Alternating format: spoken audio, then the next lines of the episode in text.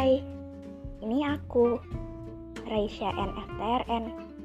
Kalian bisa panggil aku Ica. Podcast ini aku buat tentang patah dan kehilangan arah.